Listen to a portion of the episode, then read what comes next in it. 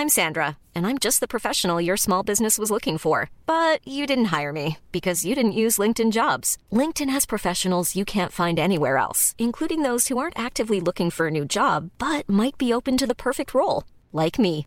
In a given month, over 70% of LinkedIn users don't visit other leading job sites. So if you're not looking on LinkedIn, you'll miss out on great candidates like Sandra. Start hiring professionals like a professional. Post your free job on linkedin.com/people today.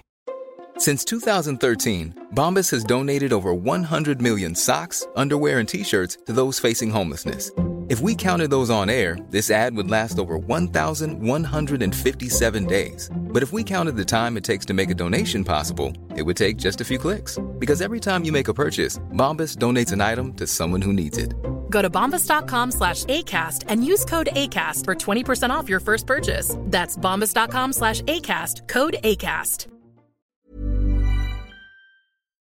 Du kom ut som ambianskänslig alldeles nyss. Vad innebär det? När vi pratar om belysning i rummet. Ja, men, jag står för det. Jag uppskattar inte eh, lågkvalitativ belysning. Nej, men det kan, jag, alltså, det kan jag absolut skriva under på. Alltså lysrörslandet USA till exempel.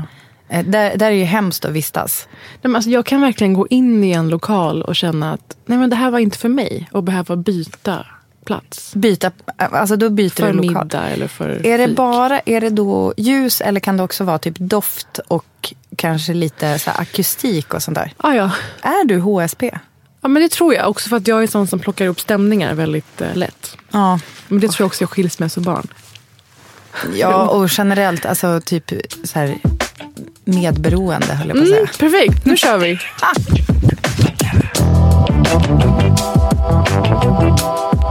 Hej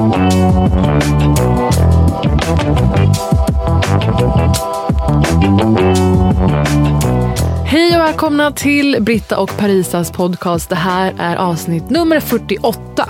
Varje vecka om popkulturella nyheter eller liksom gamla grejer som vi tycker är dags att damma av och titta på en gång till. Vad som helst helt enkelt. Om man lyssnar på Britta. Eh, vi tar upp nyheten kring På spåret och eh, därtill delade känslor kring Sveriges slarvigaste person. Och jag kommer att ta upp lite böcker jag har läst, bland annat den i genren chicklit, eller bör jag säga klittligt. Eh, det handlar om eh, liksom lite olika nya faser ett äktenskap kan gå igenom och kanske också det där med att eventuellt öppna upp eh, för andra människor att komma in i äktenskapet. Absolut. Absolut. Välkomna!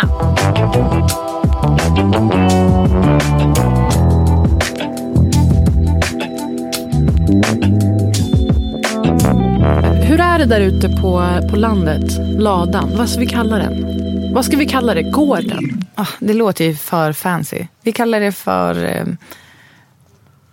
Okej, vi säger gården. Vi säger gården, nu är det fastlagt. Okej, din gård där ute med din man Kalle Wahlström. Hur är det tänkt? Ska ni inhysa människor? Finns det några planer på det? Eh, alltså menar du som, som ett B&B typ? Nej, men, hy, Nej. hyra ut eh, vistelser. Jaha. Eh, nej, men däremot så har vi har en liten jaktstuga som ligger en bit bort uppe på ett berg. Aha. Och den har jag tänkt så här, det här borde vi kunna lägga upp på Airbnb och typ bli jätterika för att det är så här, oh, the rural Swedish countryside, typ, och att man kan så här, ta in där och att det är så här charmigt att det inte finns en toa. Ja, men så man du- får bajsa utomhus för att gräva en grop i skogen. Typ. Det skulle funka. Ja, men det tror in- jag. Tyska turister, kom Ja. och köp. Men om inte annat svenska kulturutövare. Mhm. Antingen att ni hyr ut uh, utrymme i ladan eller det där huset ni har där ute. För jag fick nämligen den här länkat till mig. Du kan ta telefonen här. Jag fick den länkad till mig igår. Eh, då Vad ska vi se du? här. Det står norrländsk familj sö- söker bostad omgående. På Jaha. Cle- Cleo och Fricky. Nej, vad sjukt. Nu de frågar hur det går, inte hur jag mår. Aqua aura på mitt finger ifrån mi amor Jag vet inte vem hon är, vart hon kommer från. Jag är doms Cleopatra, din manchi mamma You trust. Men du får inget annat. Någon vill få Cleo gå av, någon vill få Patra och lagga sitt lag. Men jag är doms Gal Gadot, din Amazon. Och det är samma krig men det är annat då. Det är en Blocket-annons de har lagt upp. Berätta. Eh, Cleo och Fricky har lagt ut på Blocket. Ja, det... Okej, Cleo och Frickys hyresvärdar har varit mycket nöjda med dem, men de Mm. har hamnat i krisläge, alltså hyresvärdarna, och behöver tillbaka huset de hyr. Mm. Därför behöver de omgående hitta ny bostad i området där de bor. Alltså det är Eh. artisterna Cleo och Fricke. Jag tror också att det framgår i texten att de är artister. Mm, det gör det. Vad de de skriver det? sina namn. Liksom. Vad säger de om det? Eh, De säger att de eh, jobbar med musik på heltid sedan många år. Artistnamn, Cleo och Fricky. Inom parentes. Ja. Du skrattade lite. Nej, men det fick- var också först att du, jag bara läste rubriken så läste jag norrländsk familj Mm. söker bostad omgående. Och då tänker jag så här, norrländsk, det skriver man ju för folk i Stockholm är ju generellt så fruktansvärt positivt inställda till norrlänningar. Ja. Och jag vill påminna, det är inte ömsesidigt. För om det stod- Norrlänningar Ja. hatar ju stockholmare. Och det är så sorgligt. Det är typ eh, liksom Sveriges största olyckliga kärlek är liksom den att norr Mm. hatar söder. Men söder tycker liksom norr är så himla mysiga och fina och Men det är det jag genuina. menar. Om det stod två artister, två hiphopartister söker bostad. Hade det flugit? Absolut icke. Absolut det är icke. därför de har skrivit här. Men sen, och sen så när jag skrattade till, det var ju för att jag såg vilka det var på bilden. Och sen när jag läser, då är det som att de inte, det hymlas icke. Nej, men jag, vet du vad? Ja. Den här tror jag skickas runt nu i sociala medier. Så det är ett genidrag av dem Jätte. att lägga upp på Ja. Blocket. Sen sympatiserar jag som fan med dem. Det här säger ju så mycket om nuvarande Sverige. Absolut, Att 100, få alltså liksom- bostadssituationen. Ja, verkligen. Men sen som du säger också, om det hade varit motsatt fall. Mm. No can doozle. Alltså vet du, de skulle 100% få bo i min jaktstuga. Jag förstår att du undrar över det här Mm. nu. Men det är nog lite för långt bort från dem. För de, hon behöver ju bo nära sin, sin son sen ett tidigare förhållande som bor varannan vecka också på, i det området där de är etablerade. Just det. Det står noga i annonsen. Jag vill inte hänga ut dem för mycket och säga vad det är. Jag vet inte vad det spelar för roll. Men, Nej, kanske någon som eh, hör det är här och hajar till. Ja, det är för långt bort i alla fall. Men synd. Annars hade de gärna för Jag tror de är underbara hyresgäster. Ja, men jag tänker Det så här, står det- ju i annonsen.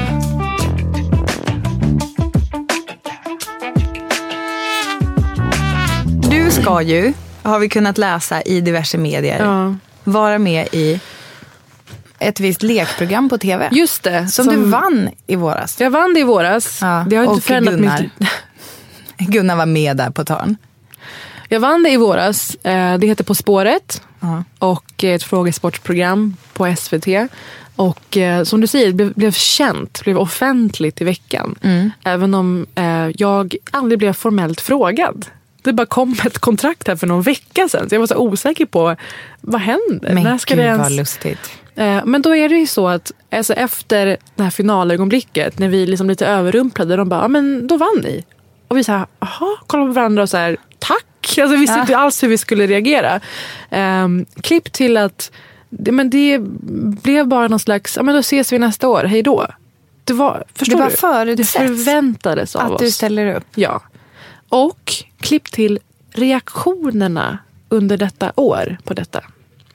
Gunnar har ju behövt övertalas.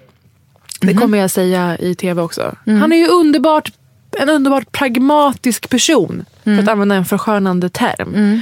Eh, och han var väldigt så här, men vi har ju vunnit det. Vad ska vi där att göra?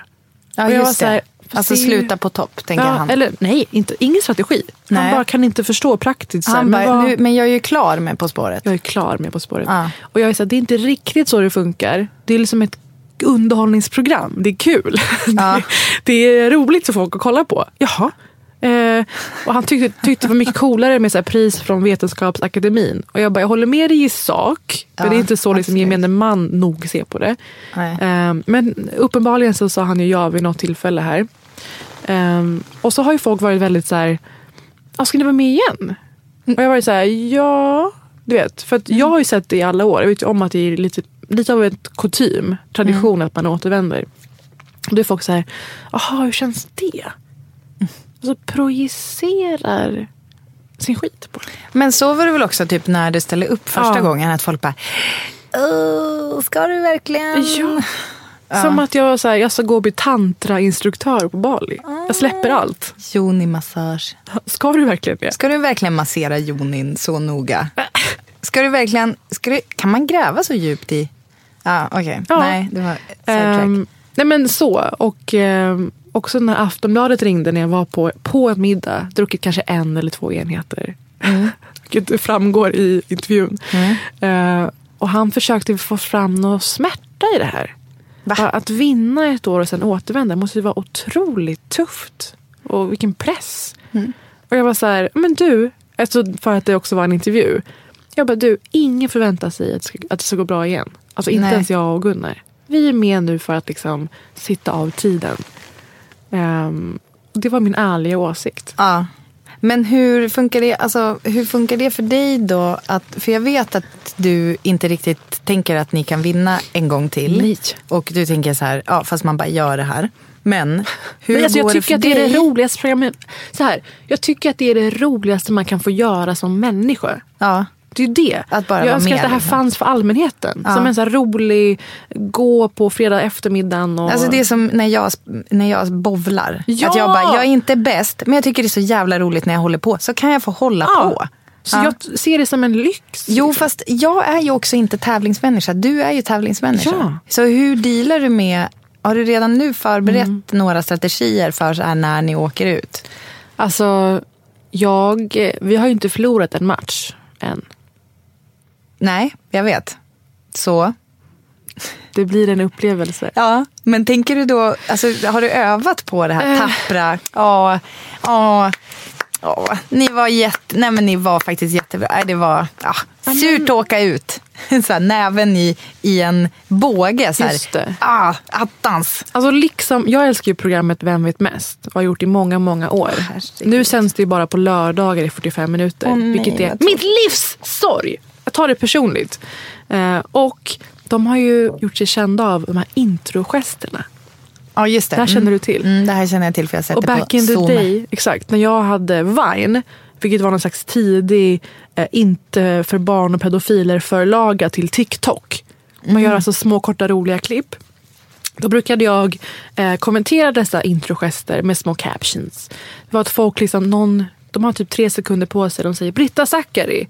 Och då ska du med en gest visa på personlighet. Ja. Och vissa kanske gör någon coolt gängtecken. Ja. Vissa kanske så här, låtsas Vissa dyka ner. Rulltrappan. Jag skulle 100% göra trappan. Jag Alltså skulle göra- Gå ner bakom podiet. Ja, Du, jag har ju förberett mig. du. Tina Fey, high-fivar sig själv. Ja. Den skulle jag göra. Ja, ja, ja. Aldrig fått vara med. Blev tillfrågad. Åkte ut på auditionen i telefon. Kunde inga frågor. Nej. Jo. Nej, Men varför jag säger det här är för att någon slags motsvarande finns det för förlorargester. Ja. Ja, de har för introduktionen. Jag måste börja tänka ut vad ska vara våran liksom, fysiska. Exakt. Vi kommer inte få säga någonting. Nej. Det kommer bara vara så här, åh vem stora vinnarna är. Precis. Och då kanske vi får göra någon sån här haka ner, liten tappervink och så här, liten så här, du vet, som du sa, en applåd till andra båset. Nej, vet du vad? Jag tycker att du ska köra, jag tycker att du ska liksom trasha buren. Om du sitter i, ja, man Jag sitter i en bur oavsett. sular. Ja, sula pe- pennan i, i, i glasväggen och liksom gå. Men gud. Jag tar, Ja, men en, alltså, om du ändå ska ut kan du väl go out with a bang? jag tar en cyanidkapsel. Ja. Där har vi det. Och det är sista gången ni ser mig i nationell tv. It's been real.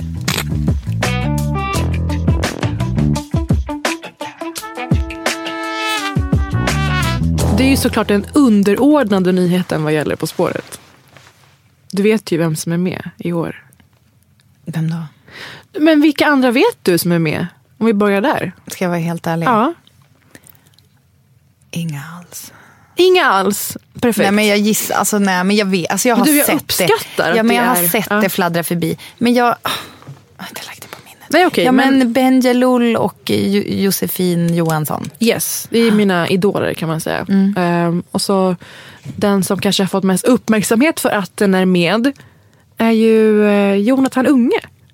Mm. Men du visste inte det? Mm, mm, jo, alltså jag, vis, jo, jag känner igen det nu. Jaha. Men jag blir orolig. Men berätta, hur tänker du? Sveriges slarvigaste person. Sveriges slarvigaste person. Men alltså... Åh, alltså... Jag vet, alltså Jonathan Unge. Så här, jag vet inte, alltså varför då? Det, jag tar tillbaka. Jag menar så här, vad roligt. Nej, men snälla sluta, var ärlig nu. Nej men alltså jag blir stressad för, alltså jag, får, jag vet att folk älskar honom. Han är som en slags... Eh, alltså jag, har så, jag har liksom en kompis som är helt besatt av Jonathan Unge. Men jag får, jag får sån ångest för att han så här, i sitt sommarprat typ pratar om att, eh, eller kanske i någon annan grej jag har hört med honom. Alltså han pratar om att så här, han får brev från Kronofogden regelbundet och kan inte betala sina räkningar och så vidare. Och, och det, det kan jag, jag relaterar svinhårt. Men det, jag blir så stressad av det också. Det är som en, eh, förstår du? Det är som, och han, han verkar inte tycka att det är jobbigt. Alltså han verkar ha den där ADHD-grejen med Är det det han har? Nej men jag vet inte. Men jag tror att han kanske pratar om det. Men alltså som jag också har, det där med att det blir eh, väldigt jobbigt med tålamodskrävande uppgifter till exempel. Alltså så här, skriva fakturor eller öppna brev eller sådär. Men han verkar inte skämmas för det. Vilket ger mig sån otrolig andrahandsskam. Förstår du? Att Är är så det så här, också- här är han och bara lever i det där och skäms inte ens. Men är och det, också, barn. är det också att liksom så här, någonstans kan jag undra om det här att du tvingar dig själv igenom de här grejerna. Mm. Men han, har, han vågar. Han har, liksom, då menar jag det som att, how dare he? Ja, Han- the audacity. Han vågar på sig att skita i det här. Att du liksom projicerar någon slags förakt på honom då. Men Mitt självförakt. Ja, hundra procent. Jag har inte haft någon el den senaste tiden Ja, ja. på grund av ett missförstånd. Vad var missförståndet? Jag har inte förstått att man ska betala för el. Jag blev liksom, tack, jag blev liksom skjuten ur skötet på min mor. På en räkmacka och den har jag liksom bara glidit genom livet på. De enda hinder jag stött på det var hurrarop och high five. Så, så jävla bra har jag haft det. Och har. Jag har faktiskt bara, lyssna nu, jag har bara två problem i mitt liv. Två problem! Det är så himla få problem. Det är knappt ens värt att nämna. Två, endast två problem har jag. Problem ett, en katastrofalt skött personlig ekonomi. Och två, fetma. That's it! Inget mer än det. Det, ja. det är allt. Det är allt. Ekonomiskt kaos och tjock. That's it. Jag är alkad också. Tre. Tre problem. Men undrar du inte hur jag känner för att han är med i På spåret? Jo, det gör jag. Förlåt. Har du någon aning? Jag fick det att handla om mig. Ehm, jag, nej men du ser glad ut. Nej, men du vet ju om att jag är besatt av honom. Nej. Va? berätta. Jo, eh, jag är besatt av Jonathan Unge. Eh, Hur då? När jag, Jag kan- sa en kompis var det ju faktiskt inte dig jag okej. syftade på. Det var en manlig vän. Men berätta gärna om din besatthet. Nej, men jag kan söka på honom i podcastappen eller SR-appen. Lyssna på när han är med i Morgonpasset 2005 typ. Nej. Jo. Eh, han är en person, han är den mest fascinerande människan slash fenomenet i Sverige just nu. Jag tycker att det är intressant att analysera. För nu kommer vi in på det du Nej, men sa alltså, du, precis. kan, ja, fast du kan inte säga så allmänt att han är det mest intressanta. Det är enligt dig. Se på hur han mottas av människor överallt. Eh, alltså Jonathan har någon slags... Jag vet att Café hade en stor omslagsintervju med honom nyligen. Mhm. Ehm, och eh, den, någonting i ingressen var så att han är Sveriges George Costanza. Och jag som Seinfeldist blev så här... Gud vilken opassande liknelse. Varför då? För Han den- är ju mer än Kramer. Ja. För George är ju eh, osympatisk, driven av förakt och konflikt med människor. Ja, Alltså, men har han inte lite det i sig? Nej, alltså, jag tror Jonathan Unge har ingen sån agenda. Han är bara ofrivilligt sig själv. Men jag, jag tänker att han ändå är en lite mer eh, skavig person än så. Jaha. Nej. Nej, alltså jag ser honom verkligen som Kramer. Att han är helt ohämmad. Och som sagt ofrivilligt sig själv. Ibland råkar ut för sig själv. Och att det finns alltid någon så sympatisk underton i hans person. Så jag vill bara börja där. Jag kan representera alla de som är fascinerade av Jonathan. Och stöttar honom och backar honom i alla de här dumma poddarna han är med i. Som man lyssnar på bara för att han är med. Eh, och eh, Likaså nu när han är med På spåret. Att det liksom blir så här ett sprinkle av någonting oförutsägbart över det hela. Vem är han med i? Ja. Kanske du undrar. Vem är han med tillsammans med? Vet du vem Cecilia Hagen är? Eh, ja. Vem är det? Nej, men jag vet inte, jag vet bara hur hon ser ut. Cecilia Hagen. Hon är född Bonnier. Pausa där. Jaha. Född Bonnier. Handelshögskolan i Stockholm, Journalisthögskolan i Stockholm, eh, journalist och krön- krönikör, bla bla bla. Eh, hennes son då? Jonathan Unge. Oj, oj, oj, vad intressant. Ja, Expressen hon är det hon, hon har skrivit på. Visste du om att det är Jonathans mamma? Nej, nu visste jag det för att du sa det. Jonathan är en Bonnier. Jaha. Och nu blir det plötsligt mycket mer intressant. Att någon som, som du säger är Sveriges larvigaste person har förmånen att ha en så privilegierad bakgrund och familj. Det är kanske lättare att vara slarvig då. Det tycker jag var jätteintressant. när jag ja, fick veta faktiskt. det här. Ja. Eller? Ja. Eh, och jag som då är så fascinerad av honom och kanske pyttelite kär i honom. Förlåt, nu ska vi vara ärliga. Så är det. Jag har nog sprungit fram till honom ute och sagt hej och sen stått där som, ett, som en liten valp och velat hänga. Det Liksom. är det här som kommer att vara stressigt, stressigast med På spåret. Kommer ni att mötas någonting Alltså- i gruppspelet? Osannolikt, inte i gruppspelet. Nej. Eh, vi är inte med i samma grupp. Nej, skönt. Men då började jag ju tänka. Vilka andra har vi haft som har varit så otroligt omfamnade som Jonathan är just nu? Och då min hjärna bara, typ Björn Gustafsson, eller? Ja. Men jag vet inte, jag har nog missat den här omhuldningen av Jonathan Unge. Det är så. Ja, alltså Björn Gustafsson, det, det vet jag. Att Ja. hela Sverige liksom älskar. Det var alltså, Men han eller the golden child. alltså Kalle Moreus också. Förlåt, men från ingenstans dök han upp och hade typ tre egna program. Och jag tror Alltså, att... det är sant. Visst är det roligt? Det är sant. Och nu också Bianca Ingrosso. Alltså, Folk sprinklar med henne över alla produktioner som finns i Sverige. För de vet om att det ger någon slags lyster. Hon var till och med med i det här nya Petra Mede-programmet. Något, någonting med sjuk, helt sjukt. Har du sett? Ja, ja, ja, det där läkare, alltså något med sjukdomar-grej. Men jag antar att det är någon hypokondrigrund för att Petra håller i det. Jag klar. Ehm, och att hon till och med, alltså den spännvidden är otrolig. Och Jonathan nu är ju på väg åt samma håll. Men utan backlash. Alltså han gör aldrig anspråk på att ha rätt eller vara rätt. Och då tror jag att det är apropå det du säger, slarvigaste personen. Att det är som att ett frikort till att aldrig behöva vara en så här förebildsaktig person och då behöva få kritik. Men det där du säger, alltså var så här ohämmad och eh, liksom inte riktigt, eh, bara så här, oh, så här, jag, jag utger mig inte för någonting. Den stilen kan jag, du kan ju fortfarande köra över folk. Alltså när du är Mm. ohämmad med din egen existens så är det ju inte säkert att du parerar andra. Ja, nej men jag, alltså gud, jag verkligen bara så här, eh, tänker högt om Jonathan. Jag försöker förstå fenomenet och varför han liksom lever och frodas just nu. Och sen kan man ju, sen så tankarna såklart går ju till vad skulle hända om du Britta, som också har två barn, skulle berätta om att så här, Kronofogden är ute efter dig och eh, du eh, handlar aldrig mat, du glömmer Men alltid fakturer. Om du skulle berätta det med samma lättsamma ton, hur skulle du bemötas då? Tror du?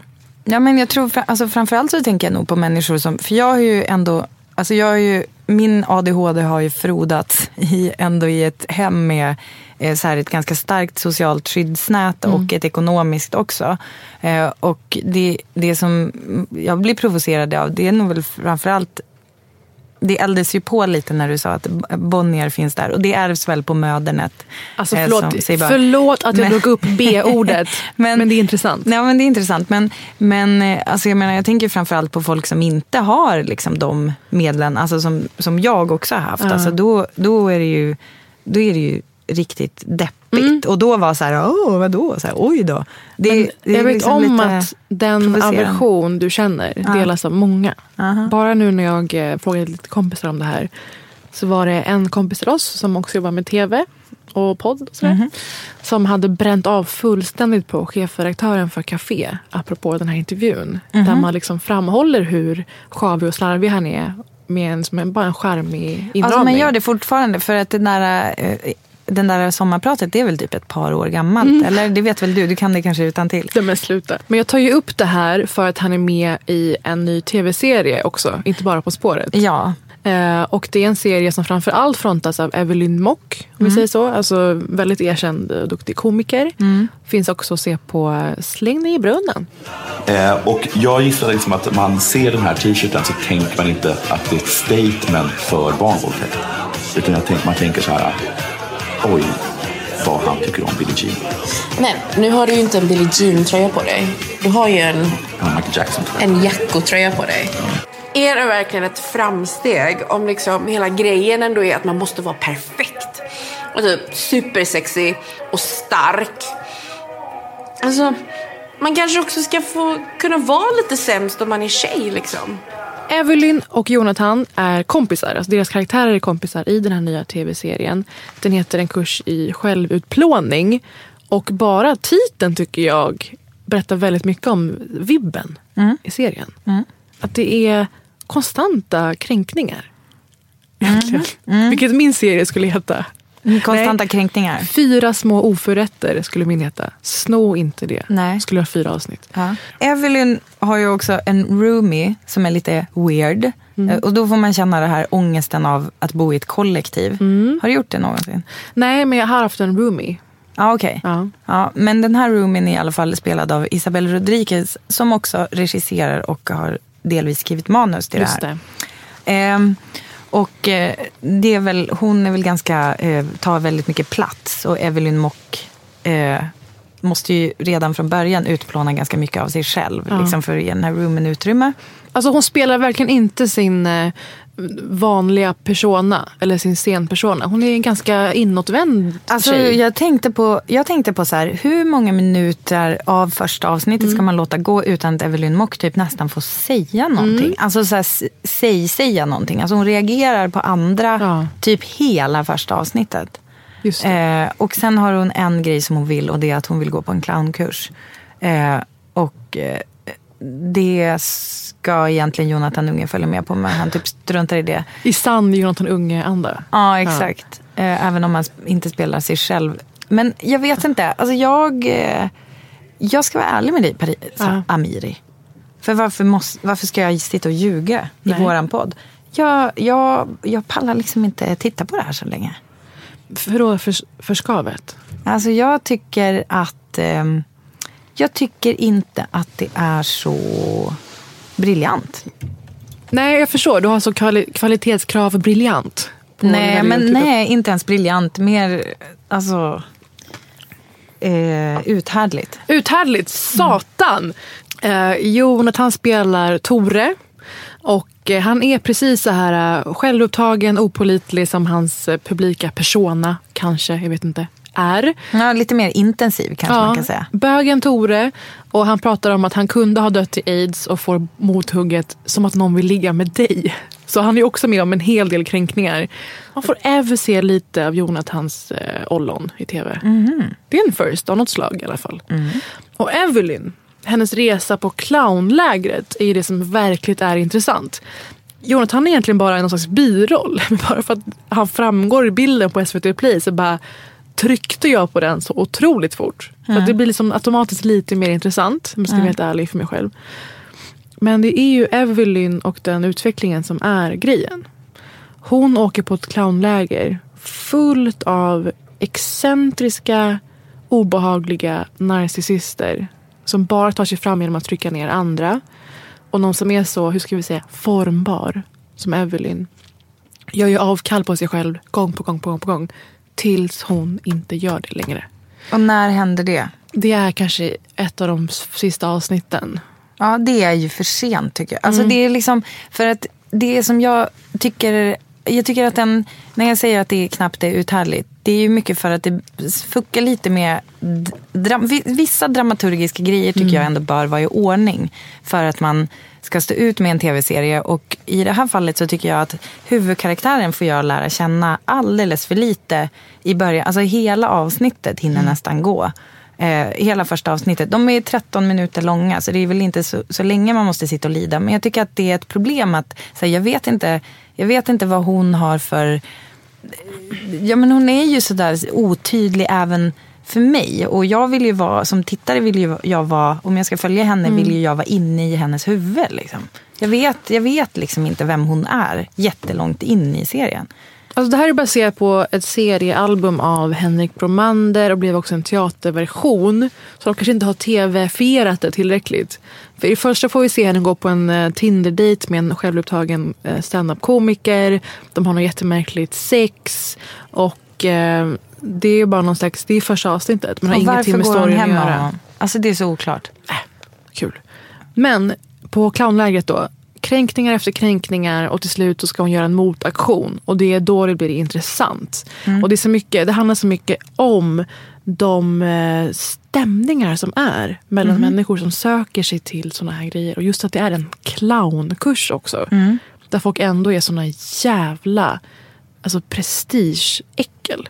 Jag har varit i så många sammanhang med kulturmänniskor där jag känner att ni bara är för att trycka ner andra människor. Ni vill inte utvecklas själva.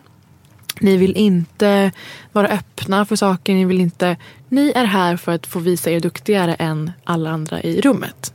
Alltså menar du då typ skådespelare eller menar du eh, liksom på jobbet eller? är men allt ifrån att man ses och eh, man är på en middag eller någon slags jobbsammanhang. Säg att man ska ha ett projekt ihop eller liknande. Alla de möten, vad fan som helst.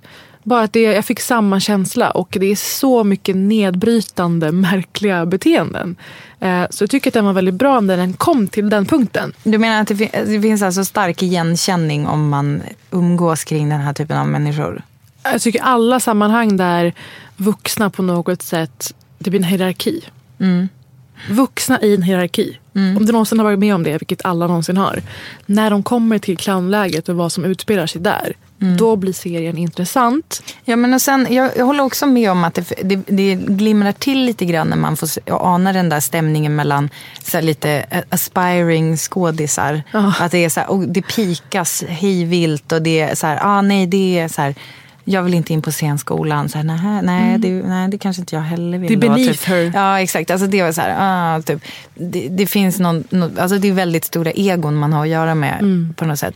Eh, Så det låter ju positivt. Jag har ju inte orkat igenom så länge som du. Men jag, det är väl kanske på sätt och vis också ett betyg. Att jag så här, jag, vi kände så här, aj, livet är för kort. Jag kände inte att det glimrade till tillräckligt tidigt. Jag tror att jättemånga kommer att släppa den i förtid. Jag tror verkligen det. Men jag lovar er, det kommer en, eh, ett klimax sen som är värt att vänta på.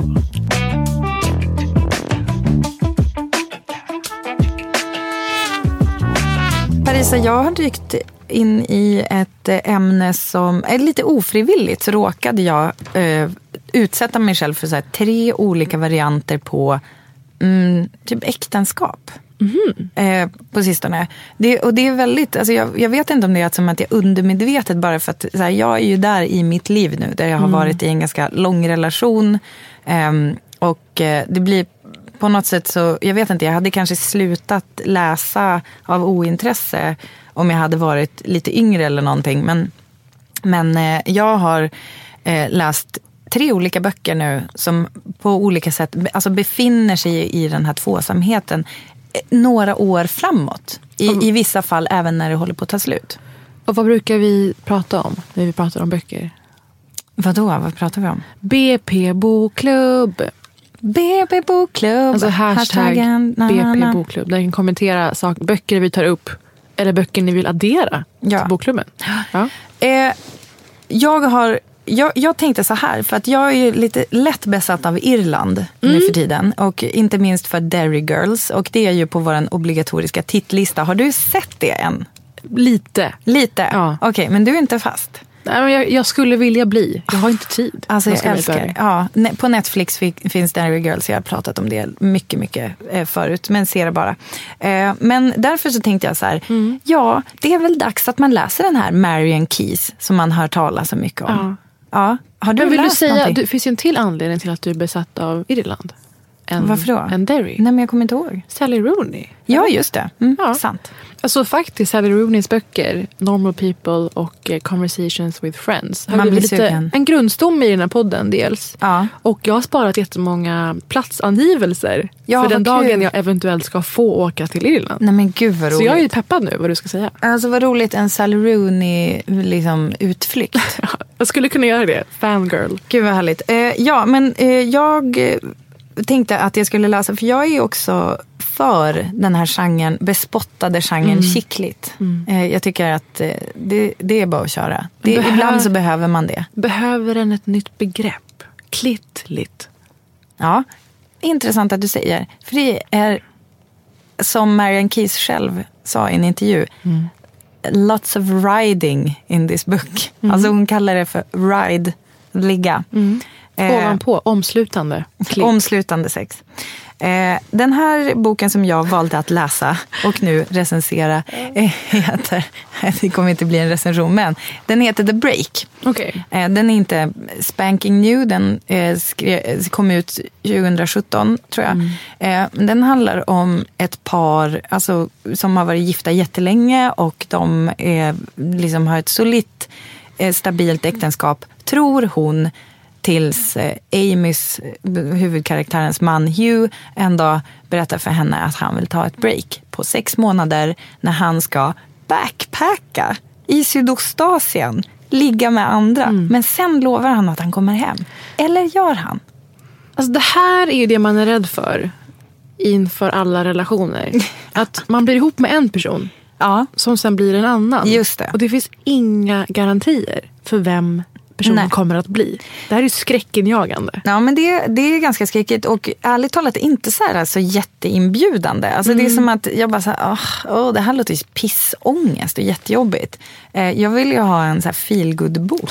Men så var det bara att jag, råk, jag typ råkade ha laddat ner den och eh, jag ja, hade tid att läsa så jag bara klämde den här. Men eh, det visade sig då att ja, men det är väl inte kanske så enkelt att en person bara över natt så här, helt ändrar personlighet. Utan det, när man börjar nysta i, lite i den här berättelsen så visar det sig att det kanske har varit på gång ett tag. Det kanske, eh, Hugh har gått igenom lite kriser. Men det visar sig också att den här Amy då kanske inte är liksom helt så här helt hundra procent oskyldig till att det här händer. Som det ju är i ett äktenskap, man är ju två om det på något sätt. Eh, Men den är i alla fall, alltså det är väldigt mycket ligga i den här boken. Alltså om man är intresserad av det. det jag tycker det är väldigt mysigt med det här irländska, att det är så här shite och fucking och riding och eh, det är mycket liksom eh, det är ganska så här rowdy skrivet. Det som jag har svårt med, det är den här, att det ska vara så mycket så inre monolog. Alltså att det är så här, och då tänkte jag, och, så är det så här, och det är typ en del drömmar också, som jag, men det är på att bläddra förbi. Man bara bläddra, bläddra. Du finner dig i det. Nej, men alltså, när det, alltså, det här med drömmar, alltså, jag, bara, lite snabbt. Som i, alltså, det finns ett fågelavsnitt i The Goldfinch av Donna Tartt. Som är alltså, så långt. Som typ bara, man bara, det handlar typ om fåglar. Det har ingenting att göra med huvudberättelsen. Det är bara någon sorts uh, så här, hallucinogen dröm. Typ, som man bara bläddrar förbi. Bara blädder, blädder, blädder. Men varför har de med sådana passager? Jag vet inte. De vill inte vara för kommersiella av någon konstig prestige. Vet du, jag har, jag, jag har faktiskt ingen jävla aning. Mm. Jag, jag kan inte, det, det finns ingen förklaring som gör att jag kan köpa det här.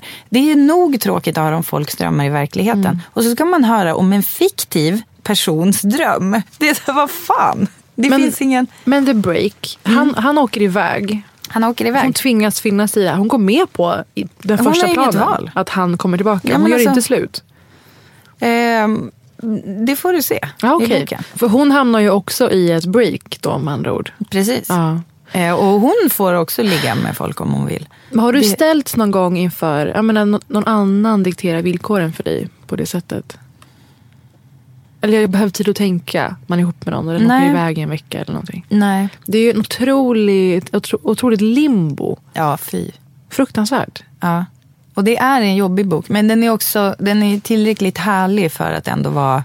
Alltså, när jag kom ut på andra sidan Ja. av det skulle jag ändå säga att det är en feelgood-bok. Som också... eh, kanske, jag tror att hon kanske också försökte skriva något som är lite mörkare än your average. Marian Keys bok. Ja, fast, men jag vet ju inte för jag har inte läst de andra. Men jag har Okej. lite känslan av, det här är inte heller, nu har jag också, alltså judge a book by its cover, absolut. Det har inte samma glättiga så här, rosa eller lila med, med skript font på omslaget utan den är, den är så här svart Men du som lever i en relation, Mm. att, att läsa en sån här där det brakar åt helvete plötsligt, Mm. att man sen börjar se tecknen, blir du nojig då? Nej, eh, alltså... Eh, Man börjar, jag, jag tycker jag läste eh, Lena Anderssons Egenmäktigt förfarande, Ja. min, en någon relation jag har haft. Och eh, blev så väldigt liksom, uppmärksam på saker som jag aldrig har tänkt på förut. Det, det, som det satte sig fast på något sätt. Det var ju en Ja, väldigt bra bok. Ja. Men att den sipprar in i verkligheten på det sättet. Kände du inte alls av det när du läser böcker om Jo, relationer? gud ja. ja, ja. Jo, men det gör jag. Men, men eh, dels så tror jag att ehm, vi, jag, alltså i den relation jag befinner mig i, att Mm. vi kanske har som en bättre kommunikation än det visar sig att de i boken. Men har. du jämför ändå mot dem? Ja, det är Ja. klart jag gör. Det Alltså, gör vad fan, man ju. Det gör man ju. Men Ja. det är väl liksom filt, alltså det, det mesta som jag tar Mm. in filtrerar jag ju som ändå genom mitt, mitt eget maskineri på något sätt. Ehm, men sen så, så klart att det finns grejer som eh, man också tänker på. Eh, den här temat är ganska tydligt att det är så att man inte riktigt vet vad man har haft förrän det är borta. Eh, det, det, det kan man ju ta till sig liksom när det Alltså det är ju bättre om man tar till sig det medan det fortfarande finns kvar, eller vad man ska säga. Eh, men den, men den är, så här, det är absolut en läsbar bok. Men det är, så här, det är då nummer ett på listan, så här, alltså, saker som kan hända med, även i en tvåsamhet som har tuffat på i flera år. Folk har det liksom inte så jävla solid som man kanske tror. Eh, nummer ett. Nummer två, eh, som jag har eh, tagit del av, det är en bok som heter American Marriage av Tayari Jones. Som handlar om ett eh, par, eh, ett svart par, där han blir eh, oskyldigt dömd. Eh, för, För ett brott. Eh, För ett brott, precis. Och, det, eh, och, och åker in i fängelse. Och det är, eh, jag har inte läst ut den så att jag eh, och, men jag vill ändå vara försiktig med att spoila. Men, men det är väldigt mycket av boken är liksom eh, brevväxling när han sitter inne. Och liksom vad det gör med en relation. Att, att, Gud, vad eh, intressant perspektiv. Att, alltså den är otrolig. Den har en blurb av Barack Obama på omslaget, Parisa. Moving, säger han. Barack. Starkt. Starkt. Nej, men jag har väl sagt till dig att jag har dejtat eh, prisoners. Va? Va? Nej men vadå? Alltså fångar. Är du en sån som skriver brev till sådana som sitter inne? Nu ska du få höra. Nej men! Till ett, ett nummer av min förra tidning där jag jobbade så delade vi upp eh, dejtingsajter nischade mellan oss som ett roligt eh, rep. Man lever sig in i någonting. Och eh, då fick jag fejka att jag hade en profil på Prison Date. En riktig svensk dejtingsajt. Och mina kollegor fick från en sugar daddy-sajt där man eh, är helt öppen med att man söker någon som kan försörja en. Eh, och en annan kollega fick eh, någon slags kristen fundamentalist-sajt för dating. Åh, och jag då, prison date, det var så många lärdomar av att göra det här jobbet. Alltså wallraffjobb. Man iklär sig en persona och återberättar sen i en text. Ja. Det var så intressant för alla var öppna med vilka brott de hade gjort. Alla hatade golare och tjallare Ja. såklart. Eh, och de flesta hade liksom avklädda eh, profilbilder eh, och tatueringar och sådär. Och kvinnorna, jag var ju så nyfiken över dem. Det var ju dem jag var mest intresserad av. Alltså som går, kvinnorna går igång. som sitter inne. Nej, det var inga sådana. Nej. Kvinnorna som skrev till de här Ja, ja, ja. männen i fängelser. Ja. Vad, som, vad det svarar på för psykologi helt enkelt. Ehm, och då var det ju, jag bara kom fram till att det är tryggheten av att veta var, no, var någon är at all times. Den kan inte vara fysiskt otrogen. Ah. Förstår du? Att man kan gå så långt för att slippa den aspekten av en relation som är fett jobbig. Att någon kan vara med vem som helst, när som helst. Ja. Så då föredrar jag att Ja, dörren låses klockan 20. otroligt. Då kan de bara sitta där och titta på Paradise Hotel. Ja. Ja. Men vad, hur gick det med dina dejter då? Hörs ni fortfarande? Nej, men- Alltså jag var ju med under någon slags hemligt namn och hade en hemlig bild. Så det blev ju ingen riktig mode för mig. Men vem vet, jag är ju singel. Jag kanske kör igen.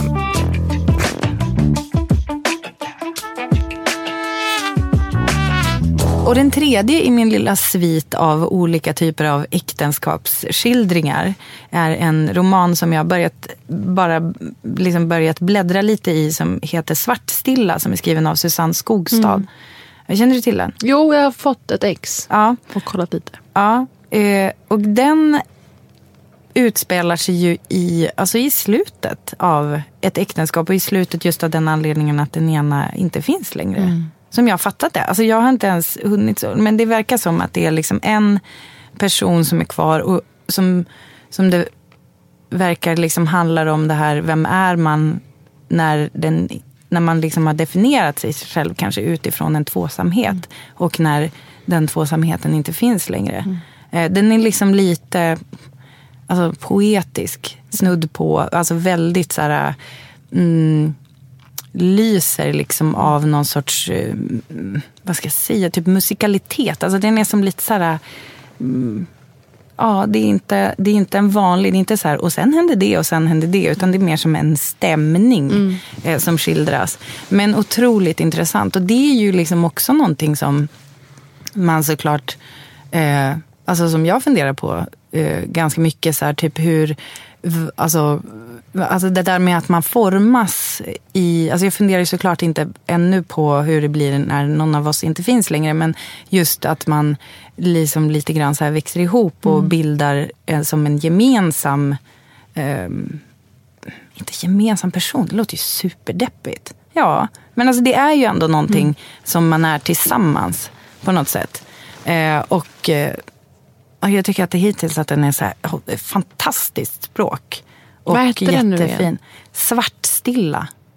Det är väl stämningen som, Ja. försöker, som, som blir. Ja, men det är det. Alltså man, man uppmuntras att slänga sig in i relationer och superengagerad och växa ihop med någon. Exakt. Eh, Men samtidigt så säger folk, men ha andra säkerhetslinor. Mm. Ha eh, starkt annat umgänge, intressen, för det kan ryka någon dag. Så Mm. man, det är någon slags half-ass-grej man, man ombeds göra med relationer egentligen. Och on that note så var det faktiskt eh, i förra veckan tror jag eh, ett Kropp och själ-avsnitt. Alltså S, vi lyssnar ju mycket på P1. Mm. Så mycket. och Kropp och själ tog upp det här med ensamhet. Ja. Eh, och eh, alltså den här, liksom hur det är att stå utanför tvåsamhetsnormen och så Mm. vidare. Och, men samtidigt så, jag, jag, alltså jag är med på vad du säger, det där med att man, man är så upp, alltså hela grejen är som byggd kring en tvåsamhet. Fast det är samtidigt så, här, så är det ju så jävla, det är så riskabelt på något sätt. Eller det är så,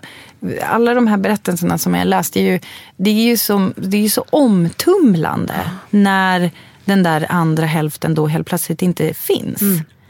Ehm, och eh, jag tänker jättemycket på något som en, jag har hört så här, typ via viskleken från typ någon som hade varit hos sin terapeut som hade sagt att man ska, man ska inte i en parrelation vara som ett A, man ska vara som ett H.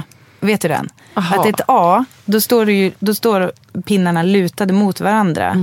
Eh, så då tar du bort det ena, då faller den andra. Men om du är ett H, då har du två stabila men med en länk emellan. Alltså klart man ska vara stabil, men att man utgår från att man fortfarande är en entitet. Exakt. Då är det så här, hur kan man komma någon nära då? Men det är väl den eviga frågan på något sätt. Hur mycket man ska ge och ta. Biten. Precis. Men det är intressant att du nämner det här, för det är en aktuell fråga. Det här med äktenskapsskildringar. På grund av såklart Marriage Story. Exakt. Vi har nämnt den ett par gånger nu. I och med dels att det är Adam Driver som är ena makan, maken. Och eh, Scarlett Johansson, Scarjo, som är den andra. En ny film av eh, Noah Baumbach. Alltså superregissören som gjorde, vad hette den filmen? Squid and Whale. Squid and the Whale. Dysfunktionella familjer och relationer. Ja. Som nu kliver in i Adam Driver och Scarjos äktenskap. Ja. När det är på väg att ta slut. Och han har, det var en stor intervju med honom i DN där han, nämner, eh, han nämner eh, Ingmar Bergman som en stor liksom, inspiratör. Man bara, Alltså, hur- när har jag hört det förut? Hur många Mm. har gjort någon slags parafrasering på eh, den Bergman-filmen? Persona. Det är, per, ja, det är Persona han nämner i alla fall. Jaha, jag tänkte ja, på vet. scener ur ett äktenskap. Ja, jag vet. Men han nämner Persona. Men snälla, vem försöker han lura? Ja, men sen så nämner han också Kramer vs. Kramer. Ja, okej, som, kul. Som jag blev Ja. glad över att Älskar. Mm. jag... Ja, som finns faktiskt på Netflix nu. Eh, med Meryl Streep och Dustin Hoffman, Yes. eller hur?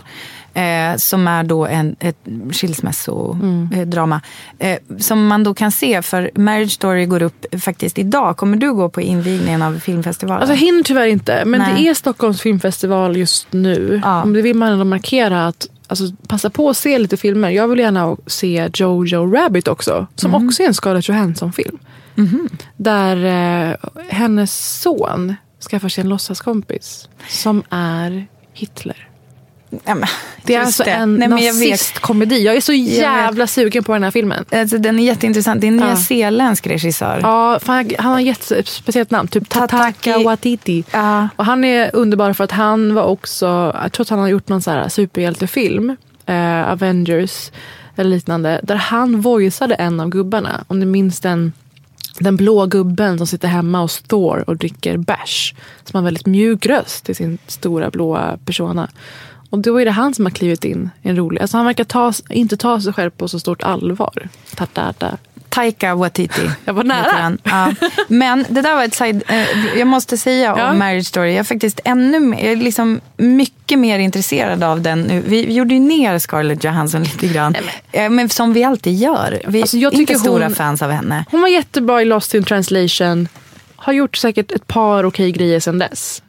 Punkt. Men eh, nu visar det sig, alltså i den här intervjun som jag läste med Noah Baumbach, Mm. att hon faktiskt själv gick igenom en separation när de filmade Marriage Mm. Story. Ger ändå lite djup till det här, Alltså, jag. jag tror Marriage Story kommer vara en Oscars-nominerad film. Mm. Eh, Allt tyder på det. Jag är extremt eh, inställd på att älska den. Mm. Men öppen för att det inte kommer bli så. Vem vet. Och såklart alltid vill man in i det där. En relation som tar slut. Jag vet inte. Jag vill alltid in där och titta och pilla. Ja. Vad det gör med folk och vad det säger om oss. Är det tänkt att vi ska ha det så här egentligen? Eller är det en förlegad idé? Parrelationer. Bra. Pepp, peppigt på en fredag peppigt. för lyssnarna. Det känns också som att det är någon slags grej nu med att man börjar prata om att eftersom vi lever så himla länge Mm. eh, så kanske det inte räcker med ett äktenskap. Nej men det är det, man sadlar om från en karriär till en annan. Ja, exakt. Då kanske man Ska också man kan också, klämma in ett annat äktenskap liksom, innan man trillar av pinn. Eller öppna upp det för att låta andra komma in, vilket jag, vi har ju exempel i närheten som Mm. har gjort. Jo. Eh, så det är ju, ja, jag, jag tycker det är ett jätteintressant ämne. Mm. Och vad ska man annars hålla på med när man som jag är gift? Åh herregud, vad ska man annars hålla på med? Alltså läsa om det så menar jag nu. Jo tack.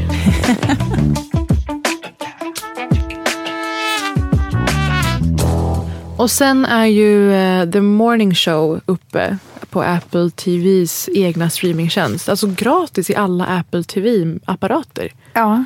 För de, kommer ju, det är Och det. på telefonen. Det är det. De har ju alla devices som tillhör Apple i världen har Mm. den här serien. Förstår du vilket försprång det ger för Ja, men alltså, tjänst? alla som har iPhones har det ju också. Yes. Men det roliga är eh, att varför jag ens vet att man... Jag tycker inte vanligtvis om att titta på Mm. eh, tv på iPhone. Alltså jag tycker det är liksom för litet. Och, gud vad din mage... Den, jag jag tror den gick hungrig. in i, i luren höll jag på att säga. Mm. Men alltså det, med tanke på att det är Apple så måste jag säga, här kommer det, alltså förvånansvärt dålig spelare. Alltså själva, själva liksom mjukvaran, själva tekniken är superdålig. Det- Alltså, vi, jag vet inte om vi tidigare har pratat om problemet med typ att HBO inte ens kan liksom leverera. Ah, du, förra gången så slutade du ju här. Då när jag kommer till startsidan så kan den tycka så här, varsågod, jag har levererat exakt där du var i det avsnittet. Nej, nej. Den bara, jaha, tips på den här serien, Succession. Nej. Jaså, då måste jag gå in och klicka på säsong två. Bla, bla, bla.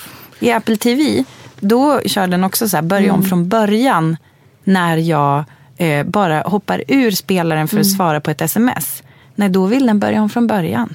Ja. Och på tvn fick den inte ens att funka. Det var en recension av Apple TVs nya streamingtjänst. Jag tänkte bara säga att Äh, The. Morning Show har vi nämnt förut. Jag, tänker, jag vill gärna gå in på den mer framöver när jag har hunnit se lite mer. Eh, Det är alltså Jennifer Anistons nya storserie. Den är ju, alltså det är, den är, eh, den är ju väldigt påkostad.